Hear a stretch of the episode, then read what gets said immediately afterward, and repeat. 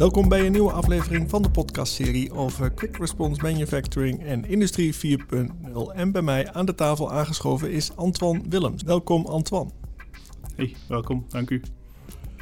Antoine, kun jij aan de luisteraar vertellen wie jij bent en waar we zijn? Ik ben uh, ja, Antoine Willems, zoals jij zei. Uh, ik ben geoloog van opleiding. Um, ben mijn loopbaan begonnen bij DEME, uh, een uh, Antwerpse baggergroep. Um, waar ik eigenlijk begonnen ben als geoloog, daarna in het projectmanagement uh, terechtgekomen ben. En uh, uiteindelijk uh, bij CGK terechtgekomen als operationeel manager na een loopbaan van acht jaar bij, bij DEME. Nu ben ik ongeveer een viertal jaar aan het werk bij CGK. En ja, bevalt mij reuze om, om terug bij een KMO te werken. Ja. Zojuist heb ik van jou een korte rondleiding gekregen door het, wat jij noemt, atelier. Daar zag ik vooral veel plastic, maar je zegt ik ben geoloog. Voor mij is het dan onlogisch om dat aan elkaar te linken. Kun je dat uitleggen? Wel, ik ben begonnen als geoloog, zoals ik al zei. En uh, voornamelijk in het buitenland dan te werk gesteld geweest. Um, maar ja, goed, de, we starten projecten op uh, en we begeleiden eigenlijk grondonderzoekprojecten bij mijn vorige werkgever. Waardoor je nogal rap in contact kwam eigenlijk met, met algemeen projectmanagement ook binnen, uh, mijn voor, binnen het bedrijf van mijn vorige werkgever ben ik dan doorgegroeid naar projectmanagement uh, aan zich. Um, en meer operationele verantwoordelijkheden gaan nemen. Om dan uiteindelijk uh, op die manier ja, als operationeel manager uiteindelijk bij CGK te starten. Ja, ja, want de producten die CGK maakt, onder andere, waar zijn die mega grote, we hebben ernaast gestaan, die mega grote tanks voor waterzuivering, onder andere, als mm -hmm. ik het goed heb onthouden. Is, is dat ook een, een inhoudelijk linkje naar geoloog of helemaal niet? Nee, helemaal niet eigenlijk. Uh, het zijn uh, ja, inderdaad chemieopslagtank zouden maken en, uh, kunststofconstructie. Het was iets waar ik nog nooit, nog nooit mee in contact gekomen ben hiervoor. voor, voordat ik startte bij CGK. Um, maar ja, op zich, het, het, het, het gaat hem even over het, het projectmatige werk, het operationeel. Hetgeen dat mij hier veel energie geeft aan mijn job, is je ziet wat je maakt. Je hebt de contact met, de, met uh, je project, je hebt contact met het product dat je realiseert. Um, en dat geeft enorm veel energie. En het is ook trouwens dat dat in mijn vorige job me enorm aansprak. Um, ja, je, je, toen stond je op de werf en kon je genieten van, van de vooruitgang te zien en te voelen. Uh, en hier is dat exact hetzelfde. En uh, dat is trouwens ook helemaal vooruit te lopen op het gesprek. Dat is ook een van de redenen waarom dat QRM hier zo super past binnen het bedrijf. Uh, het draait rond, rond het product, draait rond de, rond de mensen die het maakt. Uh, het zijn allemaal vakmannen. en die hebben juist die voeling met dat product nodig. En dat geeft mij ook energie. Dus vandaar dat ik, hier, dat ik me hier wel goed op mijn, mijn plaats voel. Ja, en voor de luisteraar die het bedrijf niet kent, het, heeft het meerdere business units? Uh, wat zijn de, de, basisproducten die binnenkomen? Hoe, hoe, kunnen mensen het eventueel herkennen aan eindproducten? Vertel daar eens wat over. De rode draad van CGK is hem eigenlijk uh, de bescherming van milieu, mens uh, en infrastructuur. Um, en dat doen we, ja, waarom spreken we van zo'n algemene rode draad, is omdat onze business nogal zeer divers is. We hebben eigenlijk drie business units. Enerzijds hebben we de business units uh, IBC, eh, Industry and Building Components. Uh, daar gaan we eigenlijk uh, kunststof stempelplaten en rijplaten gaan produceren onder het merk Lodax. Dat zijn eigenlijk oplossingen om industriële machines, ik denk aan graafmachines, grote hijskranen en dergelijke, dergelijke, veilig te kunnen gaan afstempelen. Zodat je de hijs veilig kunt, kunt uitvoeren. Um, binnen uh, de IBC-afdeling hebben we ook nog een afdeling wat dat dan uh, industry components is, plastic parts. Um, dus daar gaat het eigenlijk over verspaande kunststoffen uh, als onderdeel voor de voor industriële machines. Um, naast het IBC business unit hebben we de business unit en Infra Constructions. Daar gaan we eigenlijk in hoofdzaak uit glasvezel versterkte kunststoffen bordessen gaan bouwen, uh, leuningwerk, uh, loopbruggen, tot en met fietsersbruggen en uh, verkeersbruggen toe. en naast dan het maritime en infraconstructions verhaal hebben we ook nog CPS, Chemistry and Process Solutions. en daar gaan we dan eigenlijk eerder gaan focussen op de bouw van opslagtanks voor chemie. Ehm, we gaan eigenlijk alles gaan bouwen, alle apparaten gaan bouwen en verkopen die nodig zijn om veilig te kunnen werken met chemie. Uh, vanaf het moment dat de vrachtwagen uh, zijn ladingen lost op het bedrijf tot en met het moment dat gedoseerd wordt in uh, de productielijn. Dus denk aan opslagtanks, dubbelwandige opslagtanks, vulkasten, doseerkasten. Maar we plaatsen ook bij de klant zelf de volledige installatie, gaan daar ook het leidingwerk gaan installeren. We hebben dus een volledige ploeg tapefitters op de baan, zowel in inox, staal als, er, als kunststof als ook een eigen isolatieploeg die dus industriële isolatie kan voorzien um, en de heat tracing ook kan gaan plaatsen. Dus we zijn een zeer verscheiden bedrijf met uh, verschillende business units en toch ondertussen een, een honderdtal trotse medewerkers. Honderd, zoveel al? Ja, ondertussen zitten we boven de honderd. Ja. En ja, we blijven groeien. Ja, dat groeien dat gaat goed, want ik kwam aanrijden en het is hier, het lijkt één grote bouwput, want naast jullie bedrijf komt iets wat wel een keer zo groot lijkt. Ja, we zijn volop bezig aan onze nieuwbouw. Um, ja, wel uitdagende tijden om die te zetten, uh, laat ons dat zeggen. Uh, maar inderdaad, we hadden te weinig productieoppervlakte en ook te weinig productiehoogte. Dus op vandaag zit ons atelier met een haakhoogte van, uh, van 10 meter. Wat goed is voor een tank tot, uh, tot een achttal meter te kunnen maken. En bepaalde gaswassers. het atelier dat we nu aan het bijbouwen zijn, houden een haakhoogte hebben van, van 20 meter. Geeft ons veel meer flexibiliteit in, in de productie. En inderdaad, het onderstreept nog toch wel onze groei en toch wel de wil om uitdager te zijn in de markt. Ja, een van de redenen waarom wij nu bij elkaar zijn, is uh, dat ik een gesprek heb gehad bij 24 Flow.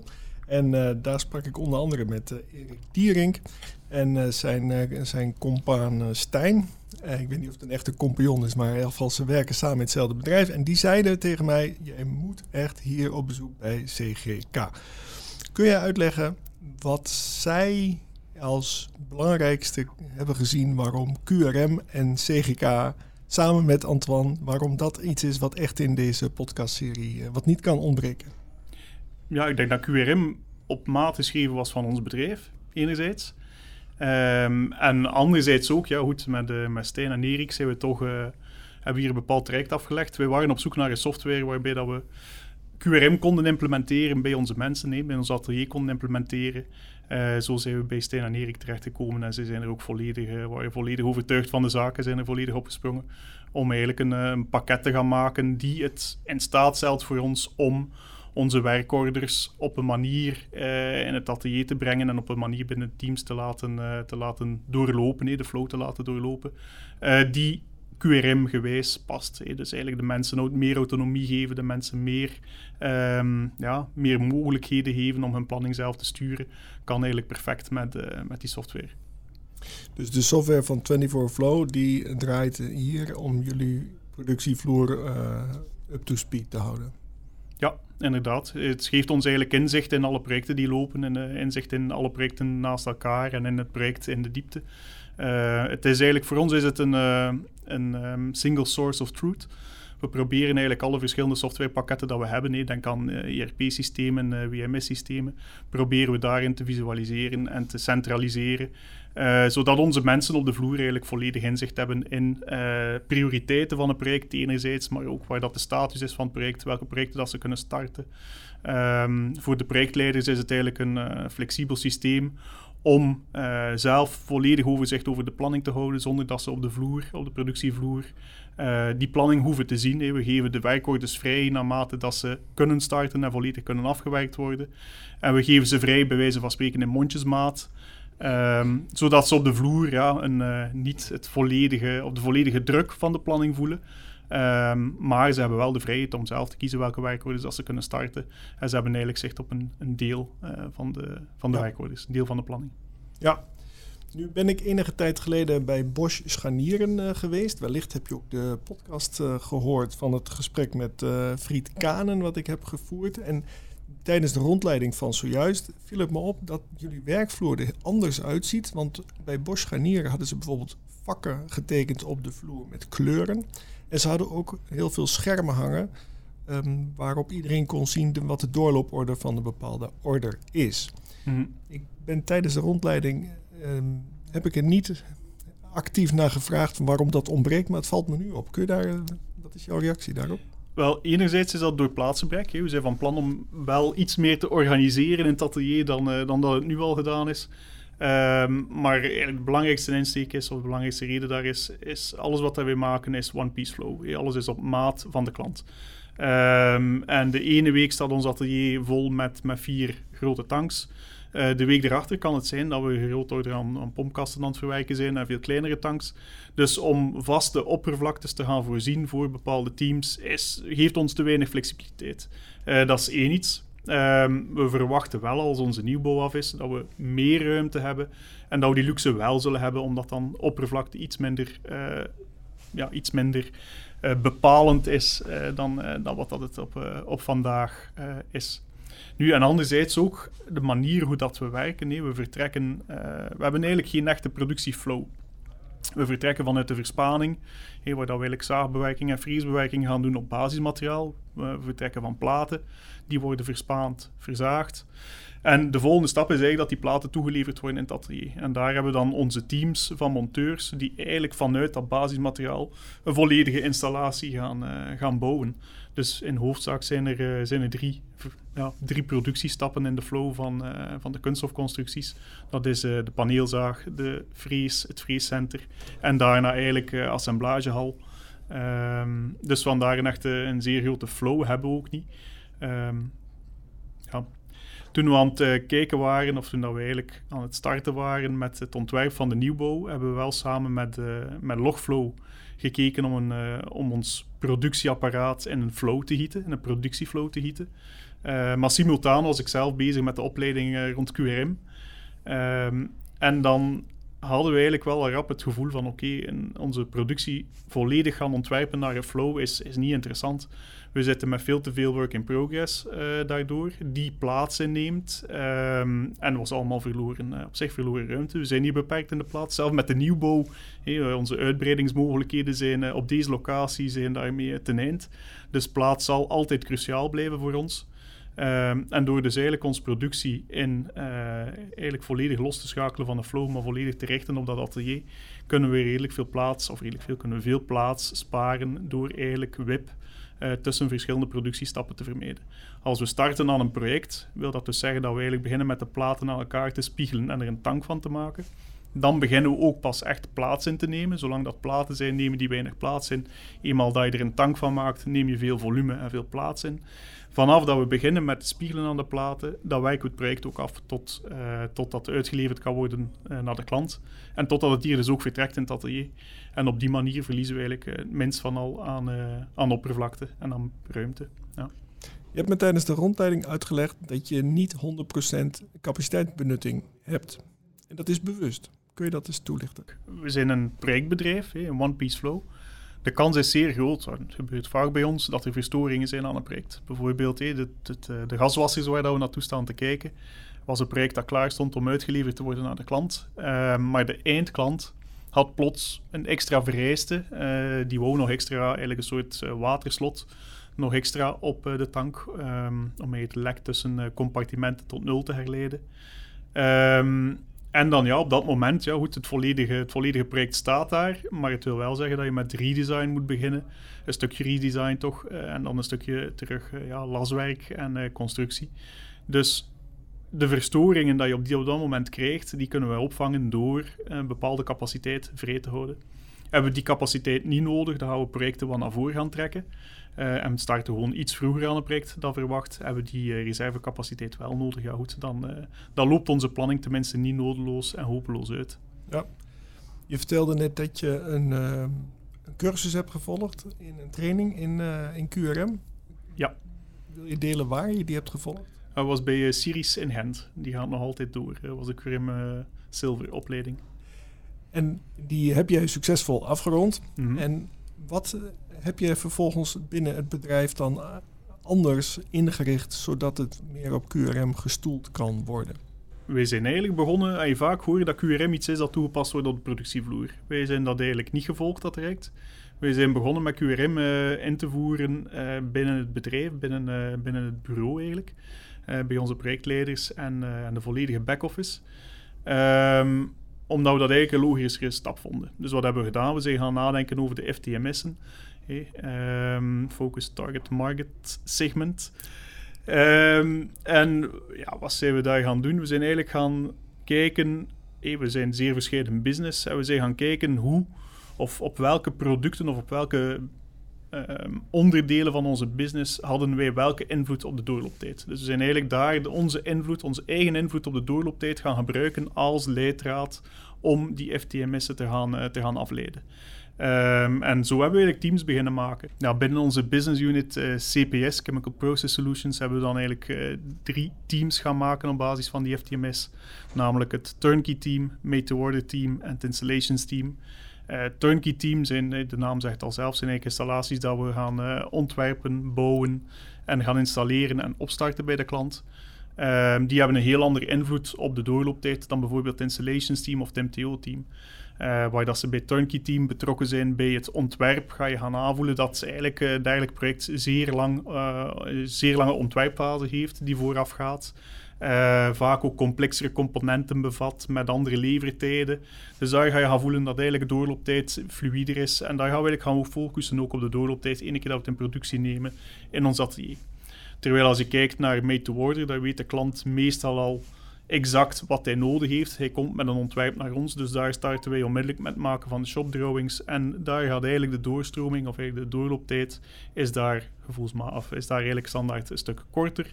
Het installations team, dat zijn echte projecten bij de klant, louter en alleen montage, die eigenlijk weinig doorlooptijd in, ons, in onze organisatie kennen. En daar was het dan weer zeer interessant om juist die teams, de mensen rond dergelijke business te gaan groeperen in het bureau. Um, omdat daar communicatie en efficiëntie in de projectuitvoering eigenlijk belangrijk was. En hoe lang is het geleden dat je daarmee bent gestart? Ik denk nu voor de bureauteams zijn we nu goede twee jaar ver. Uh, twee, drie jaar ver toch wel, ja. Um, maar ook daar, ja, dat ging eigenlijk wel redelijk vlot. Het was even een stoelendans, iedereen van, uh, van plaats gaan wisselen. Uh, maar dat was er redelijk vlot in de um, overgang. En eigenlijk, als we kijken, het was een beetje teruggaan naar de situatie of de manier dat CGK vroeger werkte. We waren, toen we naar deze locatie verhuisd zijn, in uh, eh, 2014 moet dat geweest zijn, denk ik dat we met 20 man waren, 17 uh, man, 20 man. Um, en toen waren we eigenlijk QRM-bedrijf. Het was één team die allemaal aan hetzelfde zeel trok. En um, kwam hier de vrijdagavond nog een camion toe. Ja, dat ging daar ging uh, iemand van de bureau die wel lossen als de magaziniers al naar huis waren. Dus iedereen was in staat om zijn, uh, elkaars taken wat over te nemen. Um, en zo draaide de boel ook wel vlot. Ja, iedereen trok aan hetzelfde ziel. Nu, in de groei van CGK, ja, als je groeit naar, naar toen ik erbij kwam, waren we nog met een 70, 80 man. Um, maar in die groei was dat familiale en wel een beetje verloren gegaan.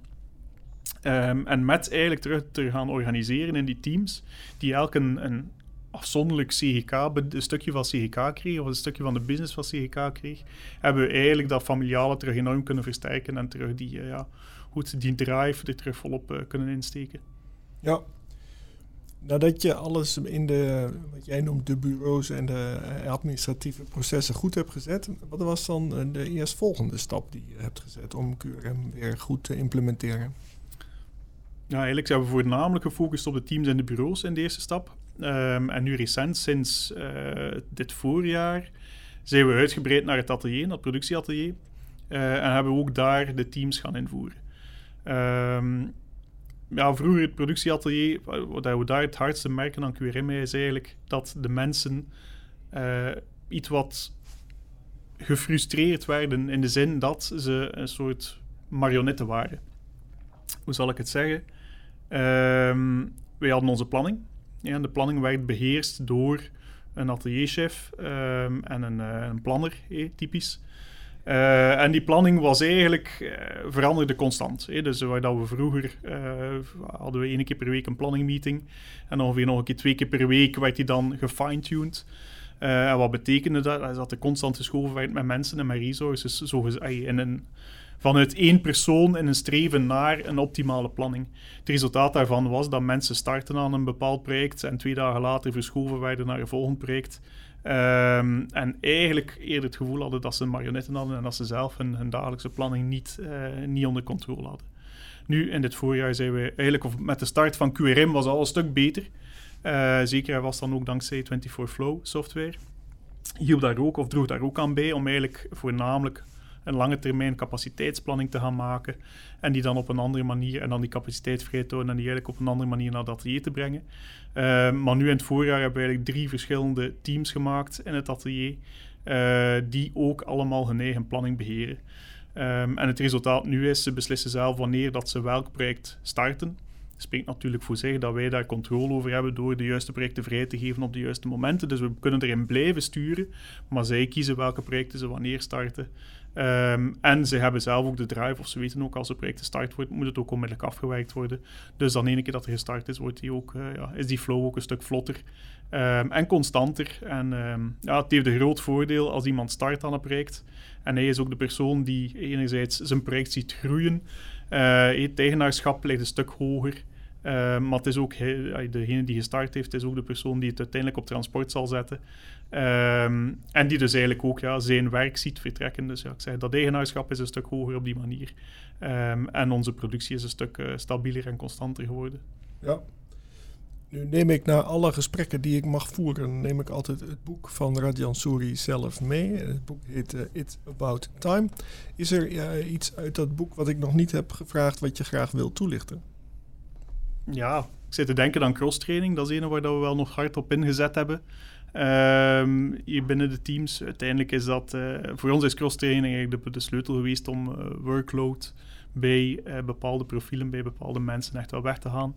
Maar anderzijds is het ook een belangrijke manier om de zelfontplooiing van de mensen, van uw medewerkers, te, te bestelligen. Je moet eigenlijk ook zo zien. We zijn QRM is dus voor ons de sleutel geweest om het familiale karakter te bewaren. Maar anderzijds, dankzij QRM zijn we er ook in geslaagd om onze managementstructuur uh, af te slanken en eigenlijk ja, zo goed als te elimineren. Er is nog een management, maar daaronder hebben we eigenlijk zuiver en alleen nog de teams.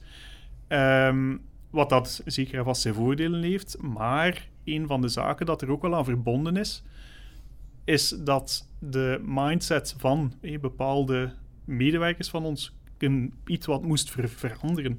Uh, mensen hebben vaak de bepaalde ambities en die zien dat graag vertaald in een, uh, in een hiërarchische groei. Een hiërarchische groei. Uh, ze willen carrière maken en de elke volgende carrière stap wil zeggen dat je meer verantwoordelijkheden neemt en um, ergens een, een, een, belangrijkere managementpositie kunt innemen. Ja, die is natuurlijk weggevallen bij ons, die, die mogelijkheid. gezien dat we ja, management zo goed als volledig hebben uitgekleed. Um, maar dankzij dan die crosstraining kunnen we eigenlijk wel voor zorgen dat mensen wel volledig kunnen blijven groeien en eigenlijk andere verantwoordelijkheden opnemen en meegroeien met het team, met het bedrijf um, en zich constant blijven uh, ontwikkelen. Voor de luisteraar die denkt, dit verhaal spreekt mij aan en ik heb een paar vragen specifiek aan jou, Antoine. Uh, hoe kunnen ze het beste contact opnemen met jou? Uh, mijn contactgegevens staan op onze website uh, www.chk-groep.com en uh, groep is dan op zijn Engels geschreven. Een van mijn afsluitende vragen is altijd: is er een boek wat jij recent hebt gelezen wat jouw denken en handelen heeft beïnvloed? Wel, uh, een tijdje terug had ik het boekje gekregen Monozokuri, doen met aandacht van uh, Steven Blom. Um, en eigenlijk toen ik het las, vond ik het wel sprekend voor, uh, voor het verhaal van CGK en de manier hoe dat wij ten opzichte van, van onze medewerkers staan. Het gaat erover over eigenlijk dat, dat een stukje eigenaarschap waar dat ik het over had, een stukje trots zijn op je werk, het vakmanschap, komt er zeer sterk in, in naar voren. Um, en ook het stukje ja, zelfontwikkeling van de mensen en ja, het, het, nastreven van carrièrepaden, dat het niet altijd hoeft, het, hoeft het wisselen van positie te zijn. Uh, elke twee jaar bijvoorbeeld, maar dat je natuurlijk ook gewoon binnen je vakgebied, binnen, je, je binnen hetzelfde bedrijf jezelf kunt uh, ontplooien. En voor ons is dat zeer belangrijk. Um, wij zoeken medewerkers met eigenaarschap, die eigenaarschap willen nemen, die vooral trots kunnen zijn op hetgeen dat ze produceren. Um, vergeet niet, ja, het, het, stukje kunststofconstructie, je leert het niet op school. Wij moeten het hier aanleren. Um, moesten wij mensen hebben die om de twee jaar willen, uh, willen veranderen van positie of willen doorgroeien naar een andere positie, ja, dan kunnen wij niet, uh, daar kunnen we niet bijbenen. Uh, we zoeken mensen die zich erop willen smeten en zich er te volle in willen ontwikkelen. En, um, en meegroeien met het bedrijf. Um, maar ja, het, het, klassieke denken in hiërarchische posities moet, daarvoor, ja, moet er daarvoor wel uit. Um, en die uh, ja, te blijven doorzetten met het bedrijf en meegroeien met het bedrijf, dat is hetgeen waar wij op willen inzetten. Nu, heb jij nog een ander boek meegenomen? Wil je daar wat over vertellen? Of het is uh, ja, onze eigen folder Strafvolk uh, voor Strafwijk. Het is onze recente slogan. Eh. Um, en opnieuw, ja, het gaat in hetzelfde, in hetzelfde elan verder. We zijn trots op de mensen die voor ons werken. en we zijn trots op het type werk dat we kunnen, kunnen realiseren. Um, en het is ook iets dat we eigenlijk willen dat onze, onze eigen mensen meer voelen. die trots en die fierheid over hetgeen dat ze maken en hetgeen dat ze doen. Um, willen we dat, ja, dat leeft bij onze medewerkers. En dat is, dat is zeer belangrijk. Het Nederlandse woord, zoals ik hem ken, strafwerk, dat krijg je op school als je stout bent geweest. Hier staat strafvolk voor strafwerk. Maar daar bedoel je vast wat anders mee. Nee, strafwerk is voor ons uh, uitdagend werk, is mooi werk. Kijk, is, ja, ik zeg het, de zaken waarin dat wij speciaal zijn. En mijn allerlaatste vraag is altijd: naar wie zou jij graag eens willen luisteren als het gaat over QRM? Oh, eigenlijk, het gaat dan niet specifiek over QRM, maar hey, opnieuw op terug te komen op het boek Monozokuri. Steven Blom heb ik ooit een, uh, voordracht van gezien. En ik moet zeggen, ik was er wel, uh, het is wel een inspirerende voordracht geweest die lang is, uh, lang is blijven hangen. Dus zeker een persoon om eens te interviewen. En daarmee zijn we aan het einde gekomen van deze aflevering van de podcastserie over QRM 4.0. Dus Antoine, ik wil jou bedanken voor dit gesprek. Hey, hartelijk dank. Wat is jouw eerste reactie naar aanleiding van dit gesprek? Ja, het was een beetje buiten de comfortzone, maar uh, best toffe ervaring ja, ik denk ook dat je het supergoed hebt gedaan. En ik wil ook de luisteraar bedanken voor het feit dat je de hele tijd bij ons bent gebleven. Vergeet niet om je te abonneren, want binnenkort staat er een nieuwe aflevering voor je klaar. Graag tot dan.